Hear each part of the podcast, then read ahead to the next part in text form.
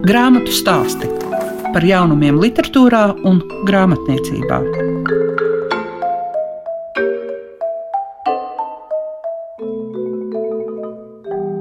Savu skanējumu sāk grāmatu stāsti, un šīs dienas raidījumā, ko veidojusi Liega Piešiņa, mēs iepazīsim antoloģijas seriālisms Igauņu dzējā, uzzināsim par ģimenes apgādu sapņu spalvu, kā arī dzirdēsiet Lījas Guļevskas sirdspūkstus. Tā saucas viņas jaunākā grāmata. Grāmatu stāsti programmā Klasika. Jārunā par Gunteru godiņu darba spējām, jo pavisam nesen ir iznākušas četras grāmatas, ar kuru sāksim. Man jau gribas ar šo. Jā, Nu, viss jau sākas ar seriālismu, tad sāksim ar seriālismu. Šī grāmata tiešām ir ilgi, ilgi es domāju, un ilgi, ilgi prātoju. Būtu ļoti jauki salikt vienā grāmatā igauņu seriālistus, izveidot savu ieskatu vai savu pētījumu par to, kā es redzu kas tad ir īstenībā seriālisms, salīdzinoši gan ar franču seriālismu, gan ar vācu vai citiem seriālistiem, un parādīt to savdabību. Un tā es saliku tātad, savu pētījumu, izmantoju Igaunu dzinieka, literatūra zinātnieka Haso Krulla eseju par eh, vienu no seriālistiem, par seriālisma tēvu vai aizsācēju Ilmāru Lābanu. Un eh, šajā grāmatā ir iespējams lasīt tātad sešus Igaunu seriālistus trīs, kas ir jau e, Manālā vai Tonelā, kas ir zemzemē, kas ir nomiruši. Tas ir Irmāns Lābans, Arthurs Aleksārs un Andrēs Ehins. Un trīs dzīvie seriālisti, kas turpina rakstīt, tas ir Jānis Malins. Tas ir e, Marko Kompos un e, pavisam jaunais seriālists Igaunu dzējās pilgtais Kristians Haļjaks. Un šādu grāmatu mēs veidojām kopā teikt, ar, gan ar izdevniecību, ar, Neputns. ar Neputns, gan ar mākslinieku Armandu Zelču. Un Armands arī var teikt, ir ar savām idejām, kā salikt šādu tekstu. Viņš var teikt, ka viņš arī piedalās šajā grāmatā, gan kā tāds rakstnieks. Jā, jo viņš pēkšņi zina, kuru varbūt vajadzētu palielināt, parādīt teiksim, šos zīmējumus, ko Ilmārs Lābans ir kaut kur rakstījis, savus haikas vai savus limerikus uz biļetēm kaut kur Stokholmā. Tad viņš ir izdomājis, ka varbūt vajag gadsimtus ielikt tiem, kas ir dzimuši un miruši. Bet tie, kas nav ne dzimuši, dzimuši viņi ir, ir bet, bet nav. miruši vēl nav. Tad viņš izdomāja, ka var likt svaru un garumu. Un kāpēc gan ne? Un tā ir nu, seriāla grāmata, var teikt. Un patīkami bija sadarboties gan ar, ar redaktoru Raimondu Čirķi, gan ar, ar Elgitu Bērtiņu, ar visu neputnu.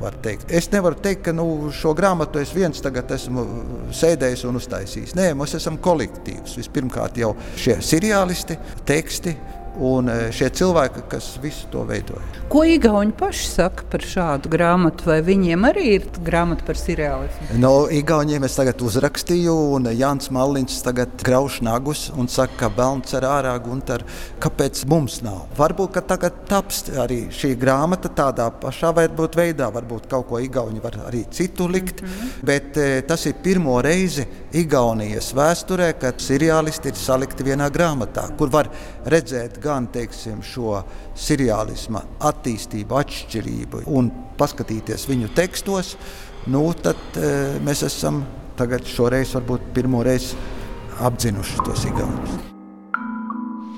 Grāmatu stāsti tiem, kam grāmatu lasīšana ir vērtība ģimenes izdevniecība, kas dibināta pirms septiņiem gadiem ar nosaukumu Sapņu spalva.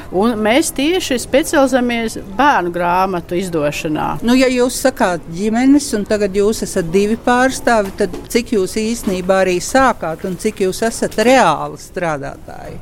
Šajā izdevniecībā pārsvarā mēs esam trīs, kas esmu es mana bet mamma tagad, un mans tēvs. Labi, bet tagad nosauc arī sevi vārdā, lai tie, kas Ni, klausās Nils. rādio. Jā. Es Nils. Jā, jā. jā Lelde Braķa klaverī un Ēriks klaverī. Eriks ir frančūzis, un mēs esam franču latviešu ģimene. Līdz ar to grāmatiņās arī mēs esam katrā, katrā izdotajā grāmatiņā cenšamies pievērst uzmanību kādam valodas aspektam. Pirms vairākiem gadiem iznāca tāda grāmata Sapnis katrai naktī, slavens franču sinoloģis um, darbs. Tur, piemēram, bija par Ķīnu un Ķīnas kaligrāfiju.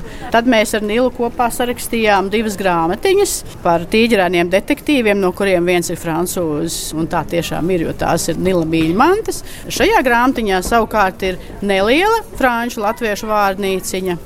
Un pēdējā Jaunākā. jaunākā grāmatiņa, kas iznākusi ir augusta beigās. Mēs turpinām šo mūsu izdevniecības līniju, grāmatu sauc Ceļojums Ukraiņas vēsturē. Šajā grāmatiņā paralēli interesantam komiksam, kuru rakstīt un ilustrēt palīdzēja Ukrāņu mākslinieks Mihailo Dunakovskis. Tur savukārt var atrast 20 ukrāņu vārdiņus, un arī ir neliela vārnīciņa, lai bērnos un arī ģimenēs raisītu interesi par ukrāņu valodu. Ko tev dod tas, ka tu esi ģimenes izdevniecībā? Es noteikti palīdzu ik pa laikam, pārskatu visu, dodu atbalstu, pārbaudu dažādas uh, idejas un uh, tekstu, kā arī lasu. Un principā tas, kas man ļoti patīk tieši ar šo izdevniecību, ir, ka visām grāmatām ir uh, tā valoda. Jo, kā jau teica, mēs esam uh, franču latviešu ģimene.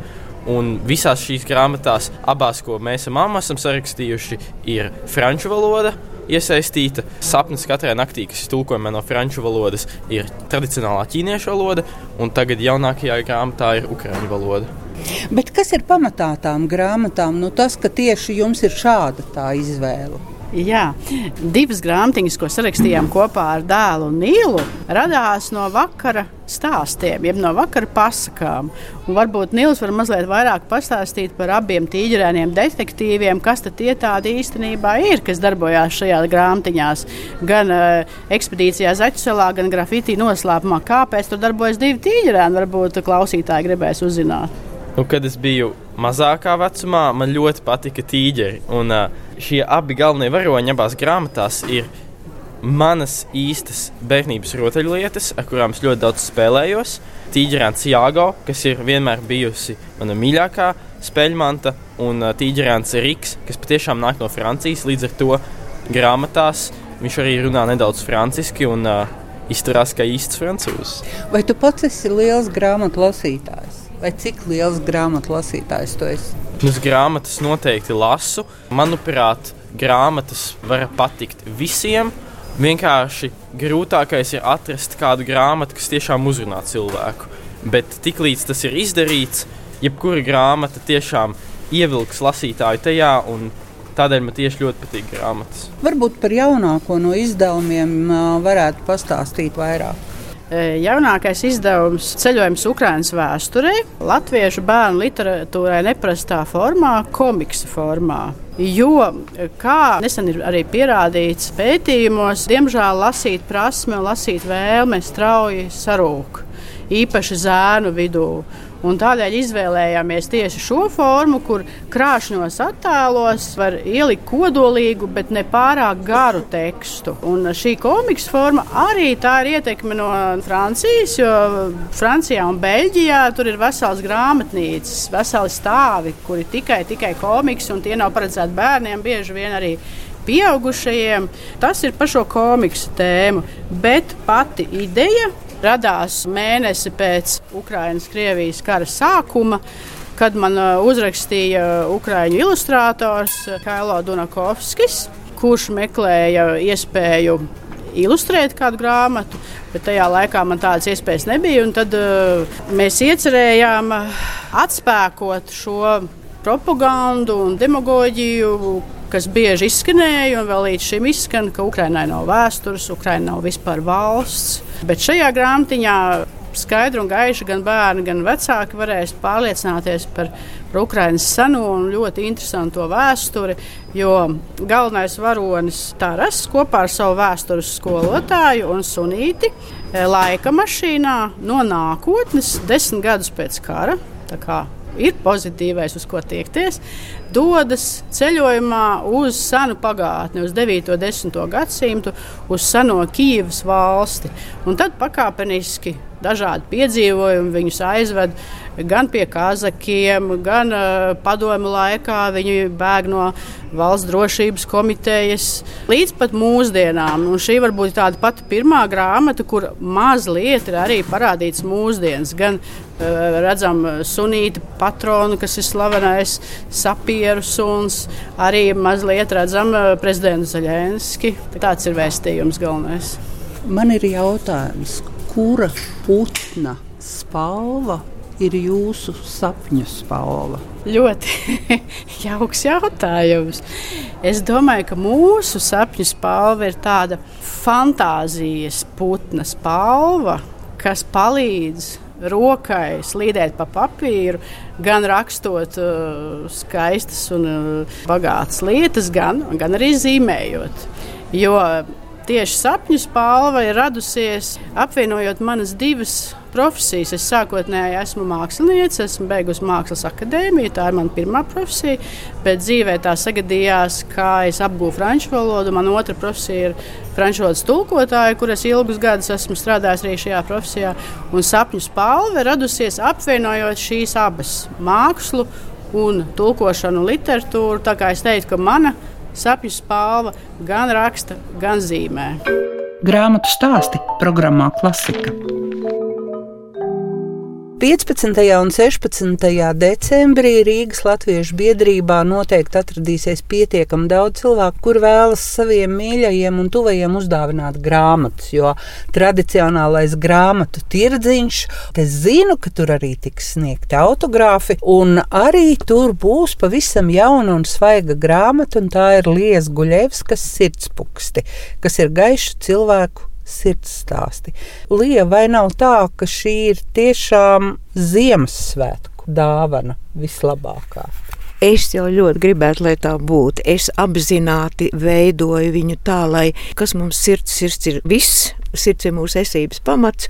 Un domājot tieši par adventa laiku, par šo baltumu, esmu ļoti priecīga, ka arī grāmata ir gaiša balta ar sirsniņu uz vāka. Man kādreiz izdevās vēl radio strādājot mājas svētību, tā man šķiet bija. Es faktiski biju pirmā, kur atrada īsto teoriju un praksi, kā ir radusies klusa nakts, svēta nakts. Un es domāju, ja tā grāmata ir paredzēta uz adventu laika atvēršanu, nu tad ir beidzot iespēja man to arī nopublicēt grāmatā. Šo stāstu tagad jau tas varbūt nav tik oriģināli kā toreiz, radio vēl, kad īsti nezinu tikai to, ka var būt laikam Ziemassvētku naktī. Tā var būt, varbūt, kamēr beigās sadzina pēdas Halēnā, netālu no Zaldzburgas ir klusas nakts, svētas nakts muzejs. Vienīgais muzejs dziesmai, kurš ir atvērts arī tikai trīs trīs mēnešus gadā, protams, decembrī, janvārī, februārī, kad ir baltums un arī tur atrodas mazā ģitārīte, kura ir pirmatskaņojumā, kā pavadījums spēlēt, jo ieģelis ir bijis aizsalušas. Nu, vacu, tur ir diezgan liels tas stāsts, tie ir mani pieci manas mīlestības stāstu grāmatas beigās. Bet es esmu ļoti pateicīga cilvēkiem, kur man uzticējuši savus sirds stāstus, sākot, protams, ar romānu Lāci, kur mazliet atgādināja arī par viņu, kas viņa grāmatā bija, un ir vien ļoti interesants dialogs starp romānu Lāci un metropolītu Spigņevu Stankēviču, kas ārkārtīgi interesanti bija man noklausīties gan arī, vai jāsaka, no malas, jo abi runāja vienā virzienā. Tur vairs nebija medicīna, tur bija sirds ir dvēseles mājas, vai ne, un vispārējais.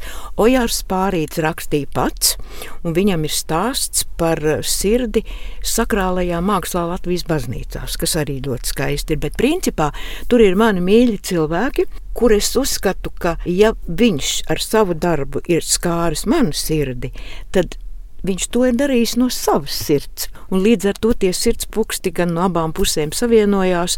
Un, nu, tur ir kādi 25 cilvēki, gan filozofi, gan mākslinieki, gan režisori, gan dziedātāji. Tā kā es teicu, beidzot Viktoram Lapčenokam pielauz arī Viktoru, es teicu, Viktori, kādreiz Sofija Lorēna teica, ka viņa varētu telefonu grāmatu lasīt Čaplina filmās. Viņai pat neko nespēlē, tikai nolasīt telefonu grāmatu. Es teicu, es labprāt klausītos, kā tu dziedi kaut vai logaritmu tabulu. Tu to dari no sirds, un tas uz mani sirdā aiziet. Nu, tāds īsumā ir tas stāsts. Tā kā es esmu pateicīga Jumavai, ka man uzticēja tieši šādā aspektā šo sirdi kā garīgu vērtību pasniegt nu tā pārējā izvēle bija mana. Ir arī Diānas, mans meitas stāsts, viena saruna ar viņai, divas grāmatas ar eņģeļiem sarunas.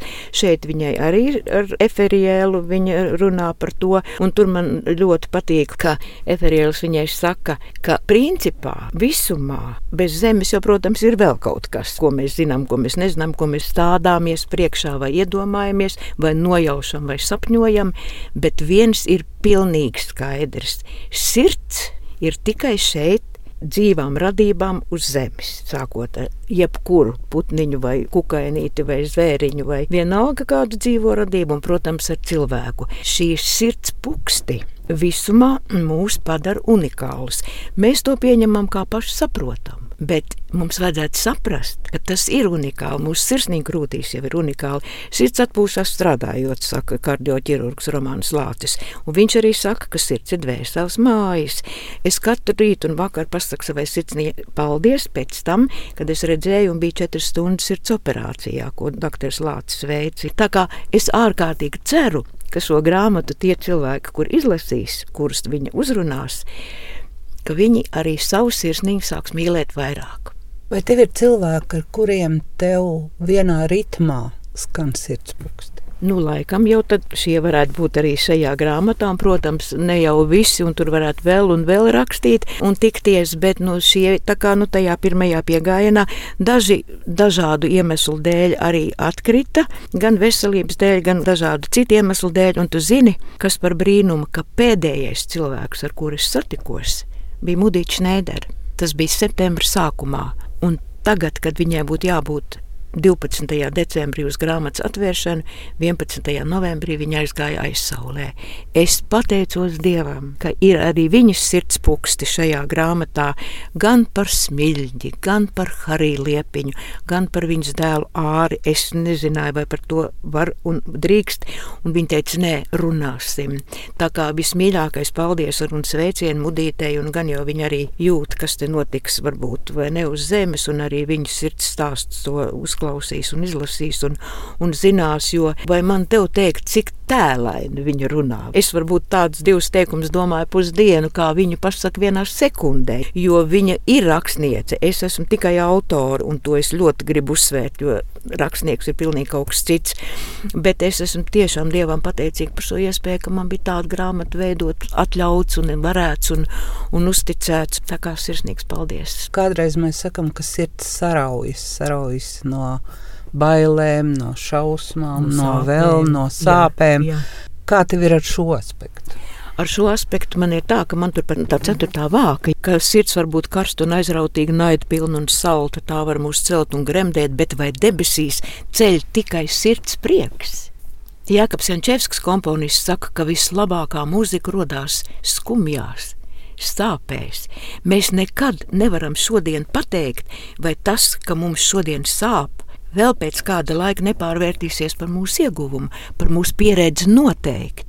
Latviešu tautas sakām vārds tāds pavisam parasts un vienkārši ir katrai nojai divi gali. Arī sāpes kaut kad, tā kā pirmajā brīdī es esmu baigi gudrs, tagad tā runāju tik cēlu un pati vienmēr, kas saka, ar galvu pret sienu sit un uztraucos un nervozēju un, un pārdzīvoju, bet principā jebkas, kas notiek, notiek uz labu. Tikai vajag to saprast. Es nerunāju par to cilvēku aiziešanu, zaudēšanu.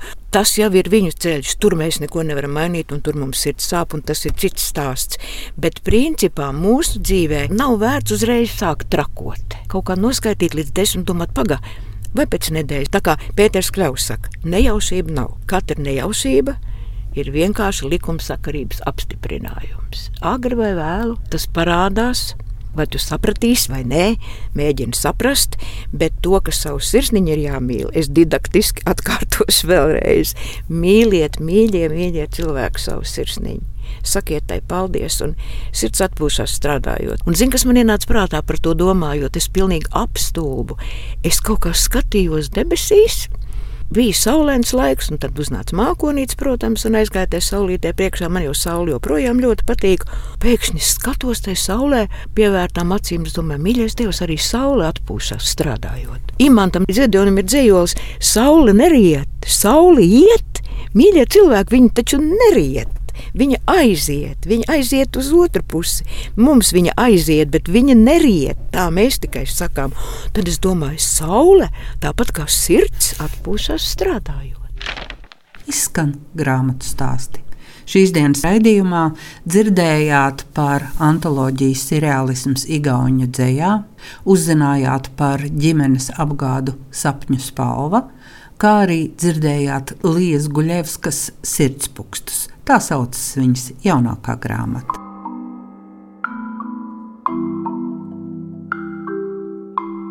Grāmatu stāsti par jaunumiem literatūrā un grāmatniecībā ik trešdienu, 9.5.